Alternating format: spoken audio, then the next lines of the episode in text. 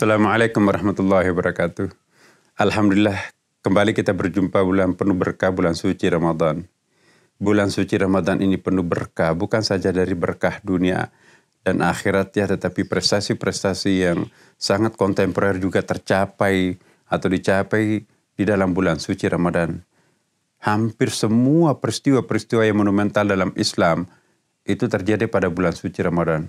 Bahkan ada sejarawan yang mengatakan sejarah Islam itu sesungguhnya adalah sejarah Ramadan. Kita lihat misalnya penaklukan kota Mekah itu bertepatan tanggal delap, eh, tahun ke-8 Hijriah.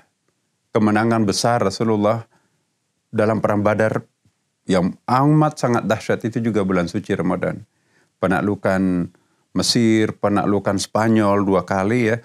Dan satu persatu negara-negara Islam itu ditaklukkan pada waktu itu ya.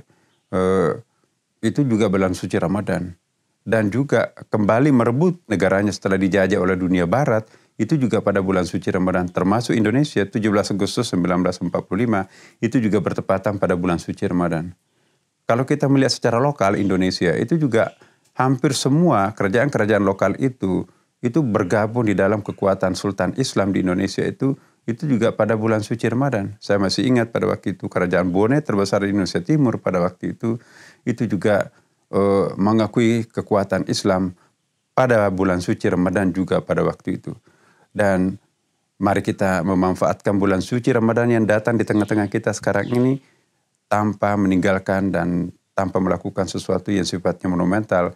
Mari kita berbuat, mari kita berkaya, berkarya dalam bulan suci Ramadan ini. Assalamualaikum warahmatullahi wabarakatuh.